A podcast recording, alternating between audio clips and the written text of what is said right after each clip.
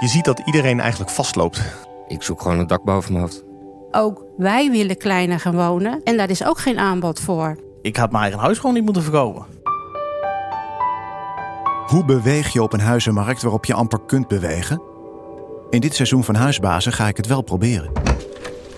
Als er geen beweging meer is, dan, ja, dan heb je stilstand. En dat is eigenlijk wat er nu gebeurt. Ik ben Bart-Jan Kuhne en ik breng je seizoen 2 van Huisbazen. Eerste hulp bij woningnood. Een seizoen waarin ik een roadtrip maak door Nederland.